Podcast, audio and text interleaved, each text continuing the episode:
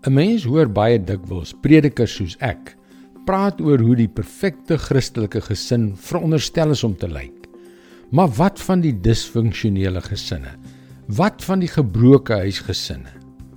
Hallo, ek is Jockey Gouchee vir Bernie Diamond en welkom weer by Vars.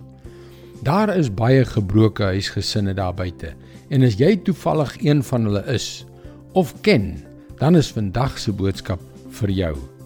Weet jy Adam en Eva was gelukkig en tevrede totdat hulle in opstand gekom het en die vrugte van die een boom geëet het wat God hulle uitdruklik verbied het om van te eet.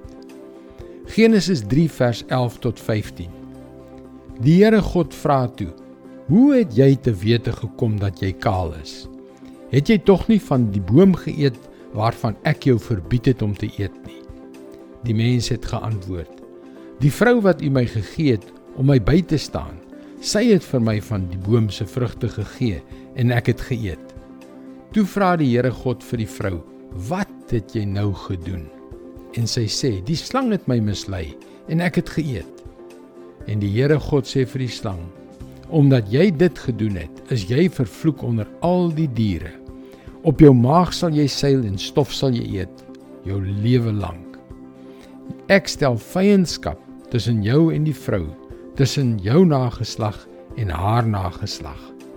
Haar nageslag sal jou kop vermorsel en jy sal hom in die hakskeen byt.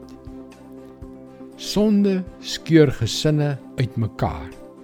Wanneer ons God verwerp en kies om ons eie paadjie te loop, is die impak op ons gesinne rampspoedig. In watter toestand jou gesin ook al is, kan jy die verlede nie verander nie maar jy kan 'n baie beter toekoms omhels. Jy kan sommer nou besluit om jou trots te sluk en die Here jou God met elke asemteug te eer. Dis sy woord vars vir jou vandag. En as jou gesin sukkel of jy ken 'n gesin wat hulp nodig het, bid. Want die enigste soort gebed waarvan die Bybel ons leer, is die soort wat kragtige resultate het. Ons sal baie graag saam met jou bid.